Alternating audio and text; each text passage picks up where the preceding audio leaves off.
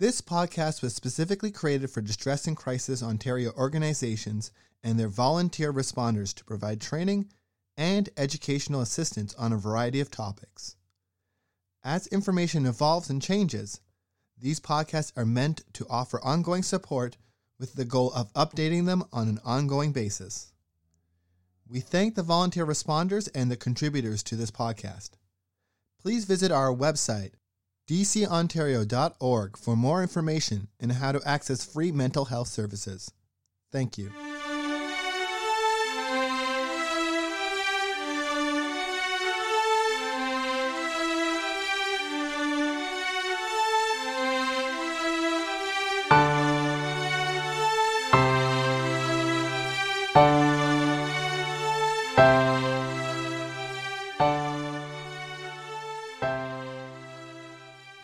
Hello, my name is Caitlin Plant, and I'm the Program Manager at Distress and Crisis Ontario. Thank you for listening to our podcast. As the holidays have come to an end and schedules return to normal, it's common to feel a sense of disappointment and sadness. You may have worked at making the holidays special for yourself and others. You may have felt more of a sense of community during the season.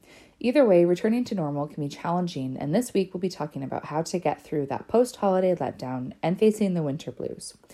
The information in today's podcast comes from the Canadian Mental Health Association's article Winter Blues 101, Recovery.org's article Avoid Holiday Blues and Post Holiday Letdown, and Psychology Today Canada's article Coping with the Post Holiday Letdown. First, accept your feelings. It is entirely normal to feel a sense of sadness when the holidays are over. You may feel deeply lonely now that your family and friends have left. You may feel a sense of relief that you now have your home to yourself. Then you feel guilty for feeling a sense of relief. It's normal to have multiple feelings when the holidays are over. Each feeling is valid, and you have the right to experience them. Journaling about how you're feeling can help you process your experience. When you're feeling better, you can review your journals to remind yourself that feelings are temporary, and that can even help you feel better more. Second, know that others feel the same way. A lot of people experience a post holiday letdown. It's not something that is discussed very much, so you may not realize how it affects other people. We also tend to put on a quote unquote happy face for others. You probably aren't going to run into a neighbor that shares with you that they are feeling sad that the holidays are over. But maybe we should talk about it with others. Being transparent about how we feel would help normalize everyone's post holiday feelings. You could also consider talking with a mental health professional about how you're feeling. They have had many clients who have felt the same way as you. Knowing you aren't alone can be very healing. Third, figure out what you miss about the holidays. If you are experiencing a post holiday letdown, it might be because the holidays helped you experience something you had been missing. During the holiday season, did you connect with more people? Were you eating what you wanted and not thinking about how it impacted your waistline? If you were socializing and having fun during the holidays, you might be going through a kind of social withdrawal. Find ways to recreate what you enjoyed about the holidays and what you miss about the season. Many times, your sad feelings don't come from the holidays being over, but from what you experienced during the holidays. Some other ways to help move past post holiday letdown are to prolong the joy. Extend the positive feelings and uplifting mood of the holiday season by bringing some of the typical holiday experiences into the new year. Break up the winter blahs by planning a party or get together during the months of January or February. Throw a Super Bowl party or host a Valentine's event.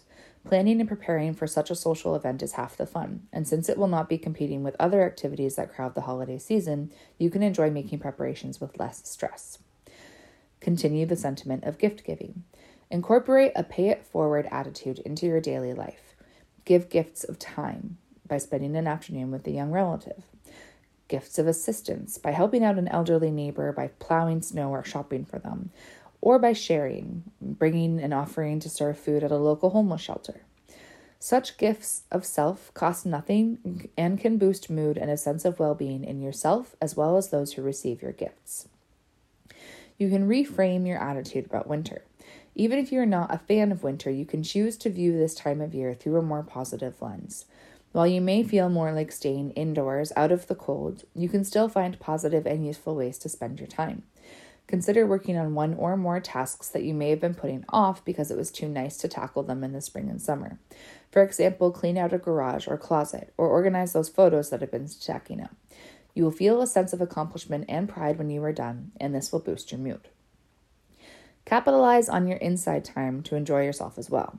Have a weekend movie binge, or read a book you've been wanting to read, or bring out your fuzzy boots and warm coat and go outside to do something fun. Go for a walk in fresh falling snow, or set up an ice skating party with some friends.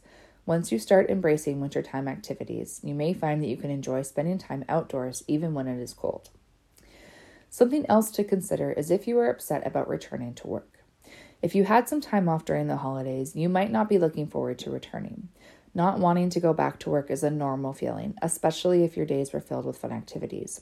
However, if you dread returning to the point where you are having difficulty getting out of bed, consider that a change might be needed. Sometimes having time off makes people realize even more how much their jobs might not be good for their well being. Consider if your job matches your beliefs and values. If not, consider consulting with a career counselor about making a change. Finally, consider that you might be facing the winter blues. The winter blues are a wave of low emotions that come with these cold, dark days. If you're experiencing the winter blues, you might feel the need to sleep a bit longer, indulge more often in comfort food, and spend more time with Netflix than your friends and family. You may have heard people referring to this as seasonal affective disorder, or SAD, but the winter blues and SAD are two different things. About 15% of people in Canada experience the winter blues, while only about 2 to 3% of people in Canada experience SAD. SAD is a widely researched condition of regularly occurring depression that most often occurs in the winter season, which can impair one's daily life. Treatments can include light therapy, counseling, medication, or a combination of the three. A professional can help determine if you are experiencing SAD. Here are some ways you can improve or maintain your mood this winter, regardless of what you're feeling. First, let the light in. Get outside during the day if you can, keep your curtains open, and when indoors, spend as much time as you can near the windows.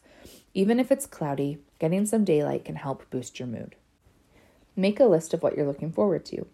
When feeling the anticlimactic nature of the post holiday season, consider making a list of what you have to look forward to in the new year, like maybe an event you plan, as mentioned already.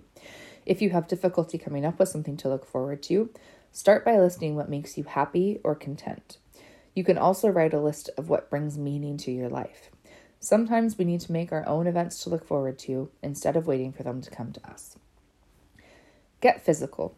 Even though hitting the gym might be the last thing you feel like doing, physical activity is always a great tool to help you manage your mental health. Start small and try a lunchtime walk around the block. Try to keep a normal sleep schedule. It might feel like your bed is the only one who understands this funk you're in, but oversleeping can actually worsen the symptoms of the winter blues. Lastly, give yourself a pat on the back. You're doing great. Battling low moods is no easy feat, and it's important to be kind to yourself. You're stronger than you think. Remember to have regular check ins with yourself and to spend extra time on self care if you need to. Thank you for listening to this week's podcast. I know it was a little bit on the short side, but I still hope it has helped you develop some strategies for navigating any post holiday letdown you may be feeling. As always, if you need support for anything you are struggling with, ONTX and our member centers are here. You can find your nearest center, many of whom operate 24 7, by visiting our website at www.dcontario.org forward slash locations. ONTX's online chat feature can be accessed from any page of our website using the Looking for Support sidebar. ONTX is available from 2 p.m. to 2 a.m. Eastern Standard Time daily and can also be accessed by texting the word support to 258258. If you have any feedback on the podcast or would like to request future content, please do use the link in the show notes to fill out our feedback form. We'd love to know how we're doing and if there are ways we could improve. Thank you again for listening. I hope you have a great day and join us again next week.